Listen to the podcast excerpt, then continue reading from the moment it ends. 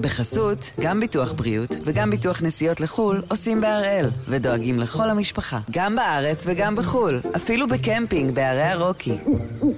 כן, גם שם, כפוף לתנאי הפוליסה וסייגיה ולהנחיות החיתום של החברה. היום יום שני, 4 בספטמבר, ואנחנו אחד ביום, מבית N12.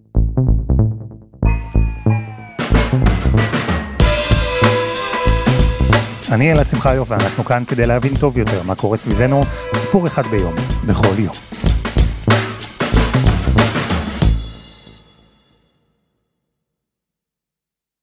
הרבה אנשים היו המומים מהמראות שיצאו שלשום מדרום תל אביב.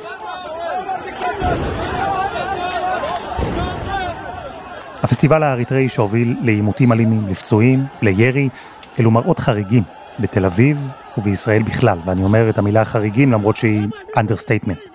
אבל תנו לי לקחת אתכם חודש אחד אחורה, לתחילת אוגוסט. A parade of police officers marching into Earl's Court Park to keep the peace. This was the scene of an Eritrean cultural festival.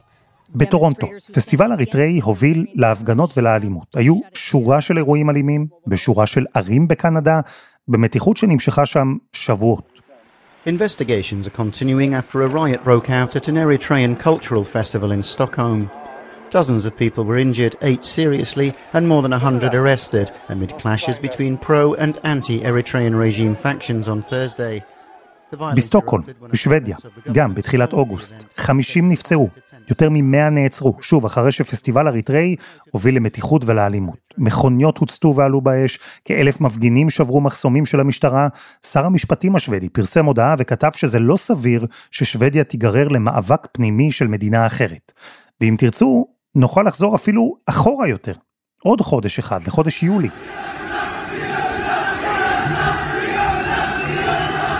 גם בגרמניה. הפסטיבל האריתראי הפך לזירת אלימות שבה נפצעו כמעט 30 שוטרים ו-130 מפגינים נעצרו. ראינו בהמשך מהומות דומות גם בנורבגיה, גם בשוויץ ובעוד מדינות נוספות. אז הפעם אנחנו עם הפסטיבל האריתראי שהוביל למהומות אלימות. אני מניח שכבר הבנתם, זה לא הפסטיבל שמעורר את האמוציות, אלא מי שעומד מאחוריו.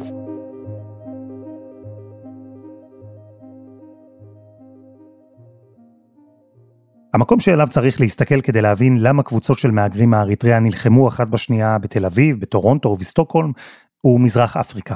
מקום שפרופסור גליה צבר, חוקרת הגירה ופליטות באוניברסיטת תל אביב, מסתכלת אליו המון.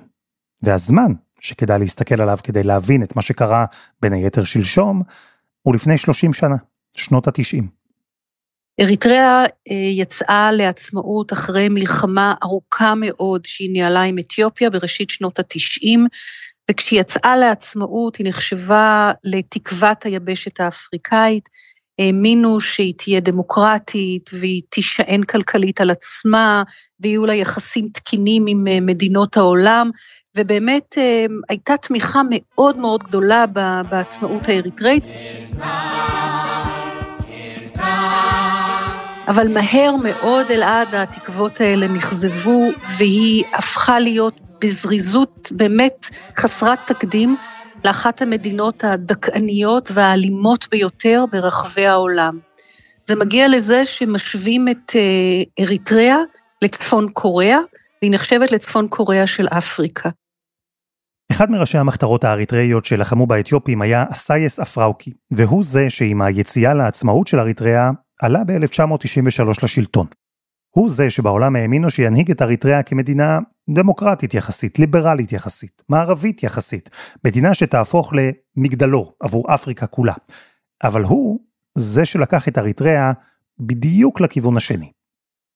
יש תובנה שאומרת שהנשיא אסייס אפוארקי נכנס לסוג של פרנויה, והוא הפך להיות יותר ויותר ריכוזי בתהליך, כמו שאמרתי, מאוד מאוד מהיר, רצה להחזיק את כל הכוח, את כל אוצרות המדינה, לא לאפשר קולות של דמוקרטיה. עכשיו, תבין, זו מדינה שבעצם הייתה כבושה תחת אתיופיה עשרות שנים, אז הייתה בה איזה מין רוח לחימה ורוח של חירות אריתראית וזהות אריתראית, ואסאיה ספוארקי הנשיא פחד שאותה רוח של חירות תופנה כלפיו ובאמת אנשים ידרשו את הזכויות, והוא הלך לצד הקיצון לגמרי והטיל את הדיקטטורה האיומה שלו. איך זה קרה? תתארי לי את התהליך שבו אריתריאה הפכה לדיקטטורה. לאט לאט ובהדרגה אפוארקי הגביל את חופש העיתונות ואת חופש ההתארגנות ואת חופש המחאה הפוליטית, והבחירות שמה הן פארסה אחת גדולה. זאת אומרת, אנחנו רואים צעדים מאוד מאוד ברורים, וכמובן גם הגבלה של מערכת בתי המשפט, העצמאות של בתי המשפט. זאת אומרת, כל אותם צעדים שאנחנו מכירים אותם גם ממקומות אחרים, שמובילים אה, באופן קלאסי לעבר הדיקטטורה. היה עוד דבר, צבא. אריתריאה הקימה צבא רשמי, מוסדר, והפראוקי העביר חוק גיוס חובה. ולא רק זה, אלא חוק גיוס חובה ללא הגבלת זמן. ולא רק זה, כי הצבא באריתריאה, למרות סכסוכי גבול, הוא לא בדיוק צבא לוחם ומגן, כמו זה שאנחנו מכירים. גם כאן היה תהליך. השירות הצבאי התקבל בהתחלה בצורה מאוד חיובית, הוא בנה את זה על המודל הישראלי בהרבה מאוד מובנים, של שירות חובה, של אה, שירות התנדבותי, של כולם, גברים ונשים, חלק אה, הוכרז כמין סוג של מה שנקרא שירות לאומי לטובת פיתוח המדינה. באמת בהתחלה אנחנו רואים שהחיילים בצבא, החיילים והחיילות מגויסים לטובת פרויקטים לאומיים של בניית תשתיות, עבודה בבתי ספר, בבתי חולים, בסלילת כבישים וכולי, אבל תוך שנים מועטות זה הפך להיות לסוג של צבא של עבדים, בראשותו של אסאיאס אפוארקי, קודם כל להעשיר את קופתו האישית שלו, פרויקטים שהוא אה, בנה והיו בבעלות שלו, אבל אחר כך גם לראשי החונטה הצבאית שלו.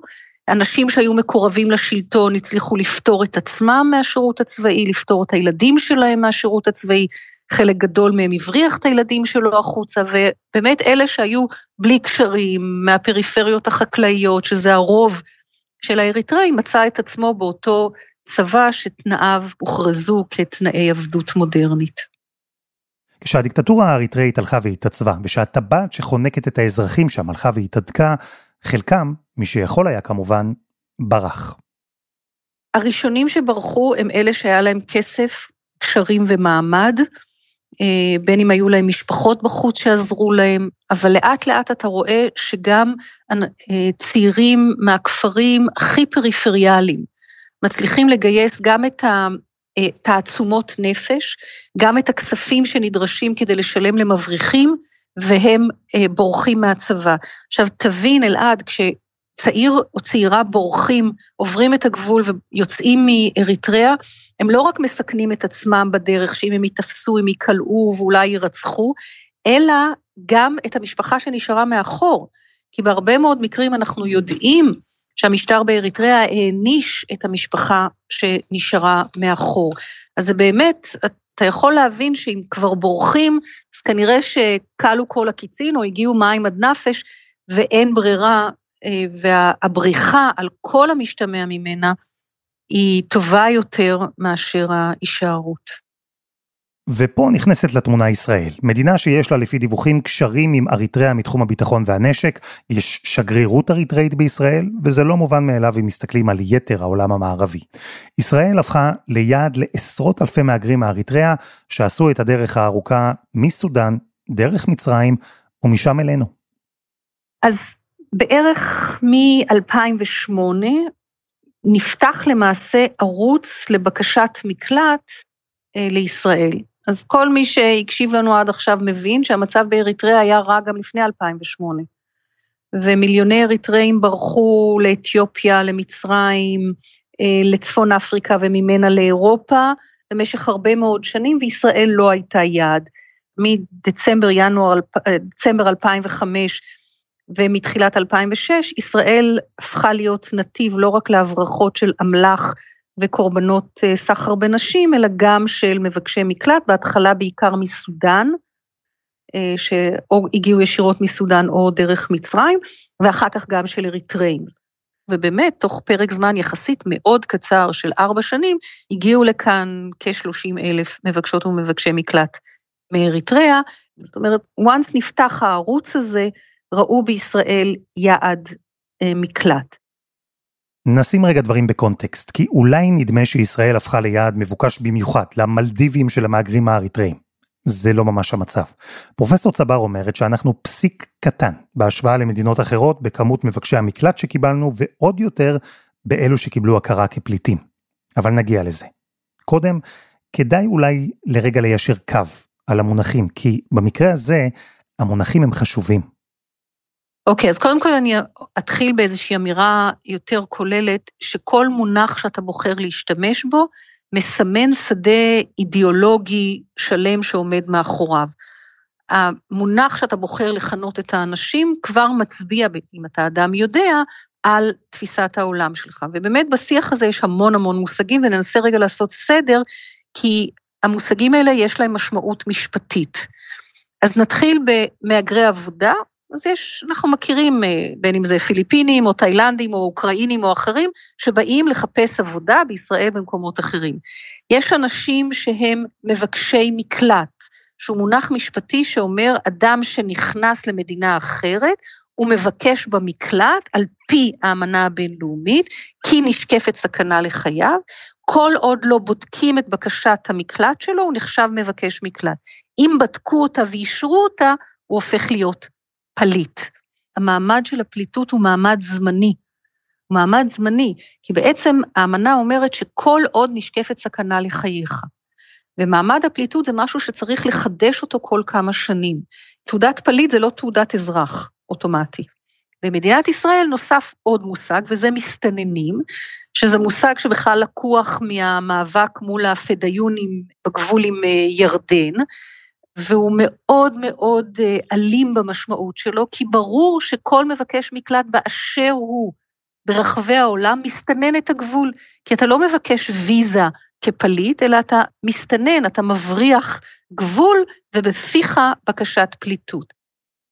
בדרך כלל בהרבה מדינות בעולם יש מערך, יש רשויות עצמאיות שפועלות לפי חוקי הגירה ברורים, יש שיטה מוסדרת, מי כן ומי לא, מה בודקים, לפני שמאשרים למבקש מקלט להפוך לפליט, ובחלק מהמדינות הפליט הזה גם מתי שהוא יוכל להפוך לאזרח. אבל לא בישראל. בישראל המערכת עובדת אחרת. כשאמנת הפליטים התגבשה אחרי מלחמת העולם השנייה, מיד אחרי קום מדינת ישראל, עורכי דין יהודיים, בעיקר אמריקאים, בעידוד של הממשלה הצעירה בישראל, כוננו את אמנת הפליטים ולנגד עיניהם היה הפליט והפליטה היהודיים של מלחמת העולם השנייה של השואה. אותם סיפורי זוועה של יהודים שנמלטו אה, ומדינות העולם סגרו את הדלת בפניהם.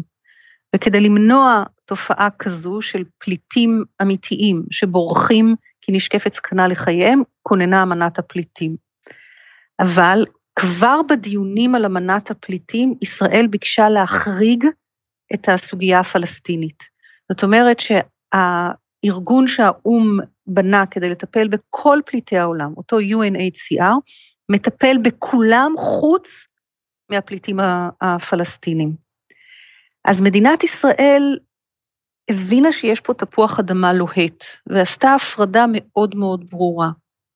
ולכן גם לאורך כל שנות עצמאותה של ישראל, מ-1948 ועד לגל הגדול הגדול הראשון הזה שאנחנו מדברים עליו בראשית שנות האלפיים, מי שבדק עבור ישראל את מעט בקשות הפליטים היה האו"ם, ולא היה לנו מנגנון לבדוק את זה שוב, כי זה מחובר לסכסוך הישראלי-פלסטיני. ואז הגיע השטף הגדול הזה מ-2006, והאו"ם, אם הוא היה עורך את כמו שהוא עבד בעבר, מדינת ישראל הייתה בעצם מקבלת אלפי המלצות מהאו"ם להכיר באריתראים, בדארפורים, בדרום סודנים כפליטים, וישראל לא רצתה את זה. ולכן היא המציאה את הדבר הזה שנקרא הגנת מטריה. ישראל קיבלה סוג של החלטה שהיא לא בודקת באופן פרטני בקשות של סודנים ואריתראים, כמו שהדין הבינלאומי ואמנת הפליטים דורשת, מה שנקרא RSD, Refugee Status Determination, היא לא בודקת באופן פרטני, אלא היא החליטה לתת הגנת מטריה לכל אזרחי סודאן ואריתריאה, וההגנה הזאת היא אמרה שהם לא ברי גירוש, לא מכירים בהם ולא נותנים להם את הזכויות של פליטים, אבל גם הם לא ברי גירוש. אז מה אתה עושה עם האוכלוסייה הזאת?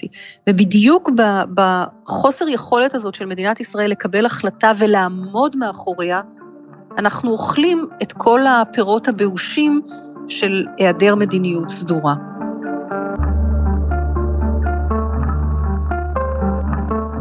חסות אחת וממש מיד חוזרים.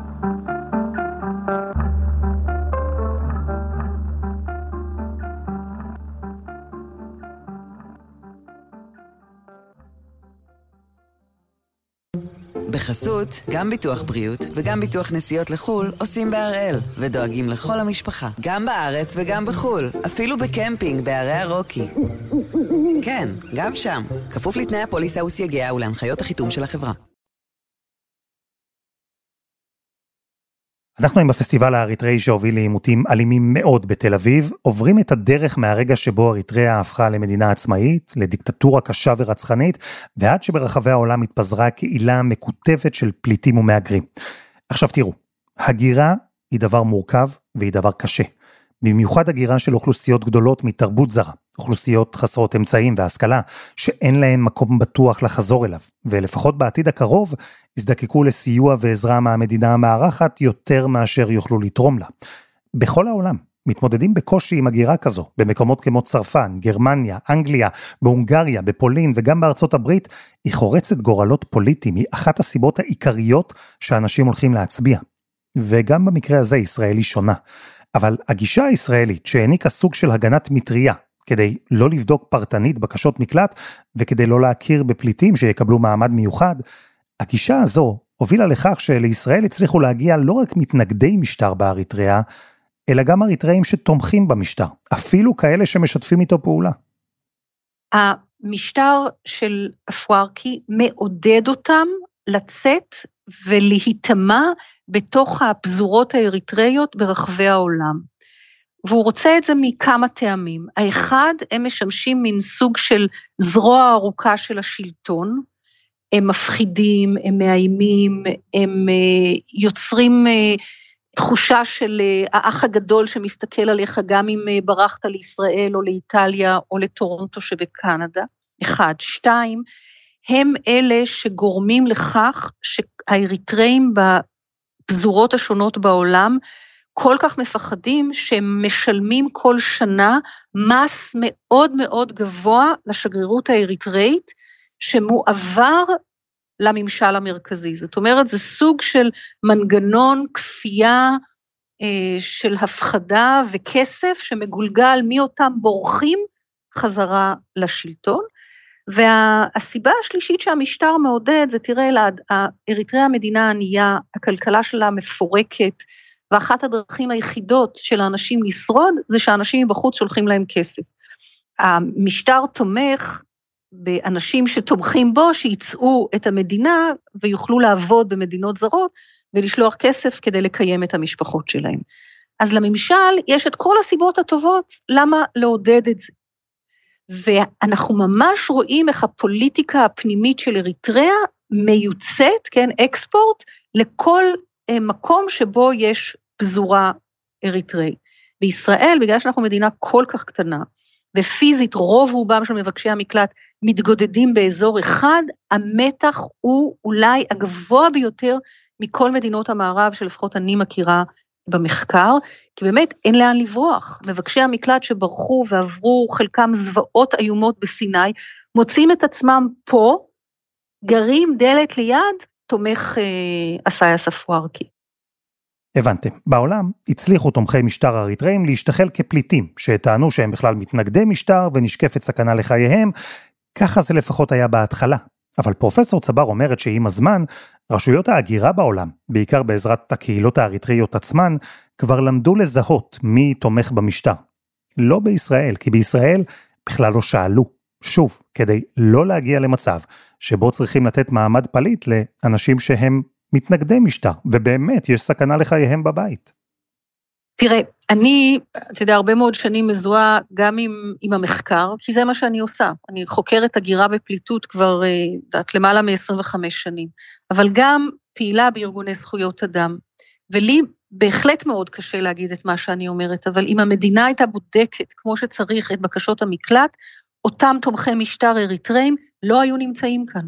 לא היו נמצאים. ומדינת ישראל ומערכת המשפט היו מוצאות דרך שהם לא יהיו כאן. כי האמנה אומרת שאתה לא יכול להחזיר אדם אם נשקפת סכנה לחייו כשהוא חוזר. כן? אם הוא ברח מסיבה אמיתית, אתה לא יכול להחזיר אותו, כי, כי יוציאו אותו להורג וכולי. אבל הם תומכי משטר. יותר מזה, נוסיף עוד סיבוך, כי במהלך השנים הייתה לישראל מדיניות רשמית לעצור את ההגירה. ובאמת, בדרום נבנתה גדר שעצרה אותה. הייתה עוד מדיניות, להקטין את מספר האריתראים שכבר נמצאים בארץ. רבים מהם עזבו למדינות מערביות אחרות. אבל מי נשאר? אותם תומכי משטר, שמערכי ההגירה במערב לא הסכימו לקבל. כך שאם במקור תומכי המשטר היו מיעוט קטן מתוך מבקשי המקלט האריתראים בישראל, היום פרופסור צבר אומרת שלפי הערכות, בישראל השיעור יכול להגיע אפילו לחצי חצי, תומכי ומתנגדי משטר. כשהיו כאן במקסימום, בסביבות 40 אלף, פלוס מינוס, אפשר היה לומר שבערך 70 או 80 אחוז הם מבקשי מקלט אותנטיים, ו-20 אחוז הם אה, תומכי משטר. אבל מה שקרה, אלעד, זה שלאורך השנים, כמעט 3,000 עד 4,000 מבקשי מקלט עוזבים בכל שנה, הרוב המכריע לקנדה, אמ, והקנדים בודקים לעומק את בקשת הפליטות שלהם. ולכן המספרים עכשיו מאוד מאוד ירדו, יש היום בערך 20 אלף, ואלה שיצאו הם כולם מבקשי מקלט. זאת אומרת שמה שנשאר בארץ, האיזון השתנה. והיום אין לי נתונים מדויקים, האריתראים ידעו להגיד לך, זה בערך חצי חצי. תומכי המשטר אפילו לא מתביישים, הם לובשים את החולצות האדומות שלהם, כן, ומזדהים כתומכי משטר. אז נוצר פה באמת מצב שהוא בלתי סביר באופן קיצוני. תסבירי לי, כי הם יודעים שהגנת המטריה שומרת עליהם מגירוש לאריתריאה, ושממילא אף מדינה מערבית לא תסכים לקבל אותם, אז הם בכל מקרה נשארים בארץ, ולכן אבדה הבושה? נכון, וכאן באמת אני אומרת שמה שקרה היה נורא מכל כיוון והוא לא היה צריך לקרות. הוא לא היה צריך לקרות משלושה טעמים שונים. אחד, אפשר היה למנוע את זה, כי הכתובת אלעד הייתה על הקיר. אה, הקהילות האריתראיות שלחו מכתבים, אני ראיתי, פטיציות שלהם למשטרה, אל תאשרו את, האישור, את האירוע הפוליטי הזה, יהיו מהומות כמו בכל העולם. שלחו להם אה, צילומים של עמודי פייסבוק שמזהירים ממה שקורה, זו סיבה אחת. שנייה, מדינת ישראל הייתה יכולה לשנות את ההתנהלות שלה מול ממשלת אריתריאה. למה לאשר את זה? והכי חשוב, וזה מתחבר למה ששאלת, לשנות את ההתנהלות מול מבקשי מקלט שידוע שהם תומכי משטר. המקום שלהם הוא לא בישראל. וכאן, בשלב הזה, זאת תהיה נקודה טובה להגיע אל הפסטיבל האריתראי ואל האלימות שראינו בדרום תל אביב. שלום גלעד שלמו, כתבנו. שלום אלעד. ספר לי על הפסטיבל. זה היה אמור להיות אירוע של השגרירות האריתראית, אירוע במועדון בתל אביב, שנועד לרומם את שמו של השליט הפוארקי, הם גם הביאו זמר מטעם המשטר, והם גם ציידו את האנשים שהיו אמורים לבוא לאירוע בחולצות, חולצות בצבע אדום. על החולצות האלה היה כיתוב, שאם אנחנו מתרגמים אותו בתרגום חופשי לעברית, זה משהו בסגנון יאללה יאללה בואו נראה אתכם. ככתובת מתריסה למתנגדי המשטר. האירוע הזה היה אמור להתקיים בשעות הערב, בשיתוף פעולה עם המשטרה, שאני יכול להגיד לך אלעד שאני ככתב ידעתי שזה עומד להיגמר בדם. כמות הפניות שהגיעו אליי מצד פעילים אריתראים ופעילים ישראלים שעובדים עם אריתראים ואנשי דת שהזהירו בצורה מאוד מאוד ברורה הולך להישפך פה דם, זה כזה דבר לא ראיתי, עד כדי כך שאני התקשרתי לקציני המשטרה והזהרתי אותם בעצמי, משהו רע עומד להתרחש כאן. המשטרה בחרה לאפשר את קיום האירוע מתוך הנחה שתהיה אלימות ולכן עדיף שקבוצה אחת תהיה סגורה במתחם ויהיה קל יותר לשמור עליה. אבל מה שקרה זה שההפגנות התחילו מוקדם בבוקר, פה המשטרה הייתה צריכה להיות טיפה יותר חדה, אה, והמהומות שראינו היו מהומות אה, אלוהים, באמת תמונות שלא ראינו בעבר. שלמור, אני רוצה לשאול אותך, לא רק כעיתונאי שמסקר את הקהילה האריתראית בישראל, אלא גם מי שלומד את הנושא הזה, את התזה שלך עשית בתואר השני בעיצוב מדיניות ההגירה בישראל. אז תסביר לי את הרציונל. מצד אחד, להעניק איזו הגנה כללית מגירוש, אבל במקביל, באופן לא מוצהר אולי, לא לבדוק בקשות מקלט פרטניות ולא להעניק כמעט מעמד של פליט. בתפיסת ההגירה הבינלאומית, ברגע שאתה נותן לאדם מעמד, אתה מושך עוד אנשים מהמדינה שלו להגיע. ואנשים מוכנים לעשות הרבה כדי להגיע למקומות שאפשר להתפרנס בהם.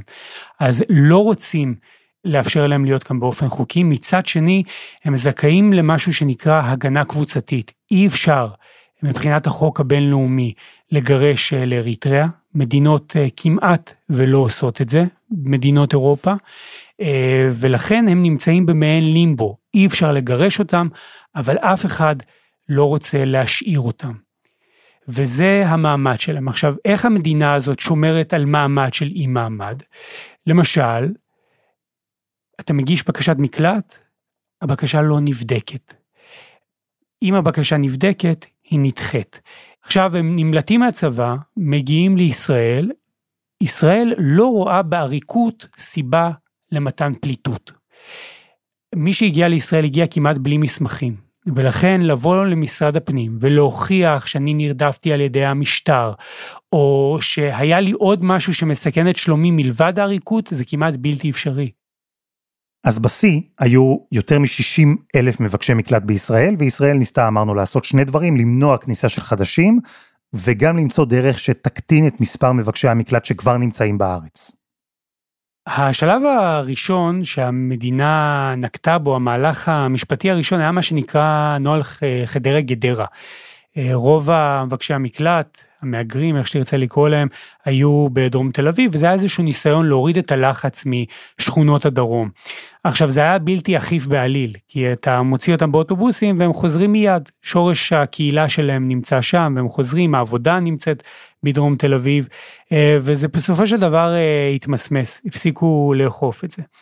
ואז במשך כמה שנים לא עשו כמעט אה, שום דבר. הם המשיכו להגיע בהמוניהם, אלפים שהיו נכנסים בכל חודש, ואז ב-2013 הייתה השנה שלמעשה הייתה הפיכת קערה בכל מה שקשור בעניין הזה של מבקשי המקלט. המדינה סיימה את בניית המכשול ממצרים, מה שהקשה מאוד על ההגעה שלהם, והתחילה בענישה או הצהרת צעדים. והגדר הזאת הייתה נחוצה מאין כמוה. אני יכול להגיד לכם, באים ללמוד עליה בכל העולם. לא נכנס אף מסתנן, אחד, בחודשים האחרונים לערי ישראל, אפילו אחד. המעט שמגיע, המעטים שמגיעים, נלקחים לסהרונים שגם אותם בנינו. אבל כן, אני חושב שיש פה הישג חשוב מאוד. חשוב מאוד. אז דבר ראשון היה עונש של שלוש שנים למי שנכנס למדינה, כלומר עונש מאסר, להיכנס לכלא, זה אמ, גם נפסל על ידי בג"ץ. אה, אחר כך צמצמו את זה לשנה בכלא סהרונים, וזה לא היה שמיש במיוחד כי הם גם הפסיקו להגיע בגלל המכשול. השלב הבא היה מתקן חולות. היה מותר uh, להם uh, להיות שם שלוש שנים, שוב בג"ץ התערב, צמצם את זה ל-20 חודשי שהייה וחתימה רק פעם אחת ביום. זה עבד? זה עבד uh, לתקופה, אבל בסופו של דבר מספר מבקשי המקלט היה גדול, זה לא באמת היה לזה אימפקט. Uh, ב-2017 הממשלה חוקקה את חוק הפיקדון שקבע שאפשר uh, לקחת להם 20% מהשכר וזה יושב להם כאשר הם יחזרו למולדת שלהם. גם זה לימים נפסל על ידי בג"ץ, בגלל ענייני חופש תעסוקה. כשב-2017 נחתם הסכם עזיבה מרצון למדינה שלישית, אוגנדה ורואנדה. כלומר, ראש הממשלה נתניהו הכריז שמעתה והלאה יהיה אפשר לגרש אותם לשם, לאוגנדה ולרואנדה, רק צעירים בלי משפחות. בג"ץ פסל את זה, וקבע שההסכם פשוט לא בשל. במקביל סגרו גם את מתקן חולות, ובסופו של דבר ככה זה התמסמס, אחר כך גם ראש הממשלה הכריז על אותו מתווה מפורסם שמחציתם יעברו למדינות אירופה והמערב. הסכם ייחודי עם מדינת ישראל, שמוציא 16,250 איש החוצה. מוציא אותם למדינות אה, מתקדמות כמו קנדה או גרמניה או איטליה, מדינות המתקדמות ביותר, זו המחויבות של אה, נציבות הפליטים של האו"ם, להוציא אותם, לארגן את זה, אפילו לממן את ההוצאה הזו, להוציא אותם. בתחילה הם אמרו שעל כל אחד שיצא, יהיו ארבעה שיישארו כתושבים ארעיים. לא הסכמנו לכך. והגענו בסוף להסכם שאומר על כל אחד שיוצא, אחד יישאר. זאת אומרת, ההתחייבות ההדדית, אתם מוציאים 16,250, אנחנו משאירים כתושבים ארעיים 16,250. אה, אבל יום אחר כך הוא ירד מזה בגלל אה, לחץ אה, של פעילי ימין, ובסופו של דבר המצב נשאר סטטי, כשבשורה התחתונה, כשאנחנו מסתכלים על מדיניות האי מדיניות והעניין של העתיד והתקווה, זה בסופו של דבר מה שדוחף אותם החוצה. Uh, היום יש לנו 17 אלף, נזכיר שבשיא היו 65 אלף, uh, בגלל שהם לא יכולים לטפח פה עתיד, הם uh, בוחרים לעזוב, חלקם לאפריקה, משם הם מנסים את מזלם באירופה. קנדה פתחה מסלול קליטה, מאז 2016 יכולים להגר לשם, כבר 9,000 היגרו לקנדה. כלומר, בסופו של דבר זה שלא קולטים אותם כאן, גורם להם לזרום החוצה. ואם אתה מסתכל על המתווה של נתניהו, שבסופו של דבר אפשר להשאיר כאן 16,250 אה, אנשים, אתה רואה שאם הוא לא היה, היה יורד ממנו, היית מקבל עכשיו את אותו מספר אנשים, שהוא הסכים להשאיר, ואני מאמין שלאורך השנים הם ימשיכו לזלוג מכאן החוצה, כי החיים פה הם אה, לא מספיק טובים עבורם. אז תשמע, א', אנחנו שומעים ביקורת ביממה האחרונה על בג"ץ, ואין ספק שבג"ץ היה כאן מאוד אקטיביסט. הוא פסל את התיקונים לחוק המסתננים בטענה שמעצר של שלוש שנים ואחר כך שנה במתקן כליאה, זה דבר שמנוגד לזכות לחירות ולחוק יסוד כבוד האדם וחירותו. הוא פסל את היוזמה לקחת אחוזים מהמשכורת של מבקשי המקלט, בטענה שזה פוגע בחוק יסוד חופש העיסוק. ואנחנו אמרנו בשיחות קודמות שזה דבר מאוד חריג שבג"ץ פוסל חוק, והנה במקרה הזה זה קרה פעם אחר פעם אחר פעם אחר פעם. בארגוני זכויות האדם ובשמאל חגגו את בג"ץ, קראו לו אביר זכויות האדם. בימין טענו ועדיין טוענים שבג"ץ בעצם כבל את הידיים של הממשלה, שניסתה לטפל בבעיית ההגירה, ובפסיקות האלה בג"ץ תרם לבעיה. אבל שלמור, בסוף בג"ץ פסל, וגם הממשלה החליטה פעם אחר פעם לא להחליט. אתה הזכרת את מתווה האו"ם. נתניהו הגדיר אותו אז כמתווה טוב. אחרי יממה, בלחץ של פעילי ימין שטענו שאסור לתת מעמד ל-16 אלף מבקשי מקלט, נתניהו ביטל את ההסכם. היום הוא אומר שזה היה הסכם רע. זה נשמע לי, האמת, שבמצב הזה כשאין מתווה ברור, אז המדיניות הישראלית הלא מוצהרת היא פשוט לייאש ולהתיש את מבקשי המקלט, עד שהם יעזבו מרצון, דבר שבסופו של דבר אנחנו רואים לאורך זמן, קורה. ממש ככה. עכשיו, כשאני אומר לא מוצהרת, אתה לא תשמע את ראש הממשלה עומד על הבמה ואומר את זה. אבל כשאתה מדבר עם פקידים בכירים במשרד הפנים, הם בהחלט אומרים שזו האג'נדה המדויקת. יודעים שברגע שהילדים שלך לא זוכים למעמד, ילדים שלא יכולים, הם חיים יחד עם ישראלים, יש להם חלומות כמו של ישראלים, אבל הם מבינים שהם לא יתגייסו לצבא, והם לא יכולים אה, לקבל רישיון לעיסוק במקצועות חופשיים, לא להיות עורך דין ולא להיות רופא ולא להיות אה, אחות, אה, וזה מייאש. והייאוש הזה דוחף אותם החוצה.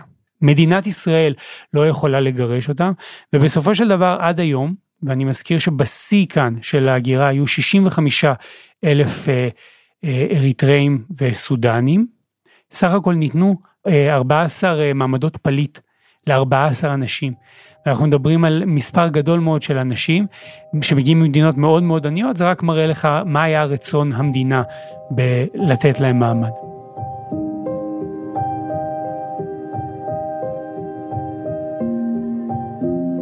גלעד שלמור, תודה. תודה אלעד. ותודה לפרופסור גליה צבן.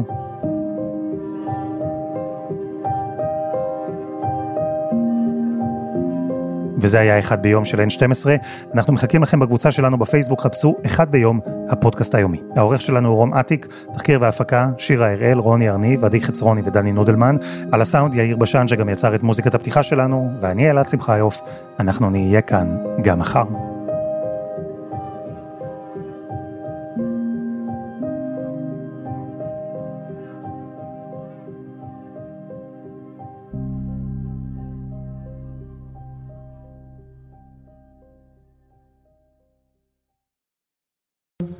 בחסות, גם ביטוח בריאות וגם ביטוח נסיעות לחו"ל עושים בהראל, ודואגים לכל המשפחה, גם בארץ וגם בחו"ל, אפילו בקמפינג בערי הרוקי.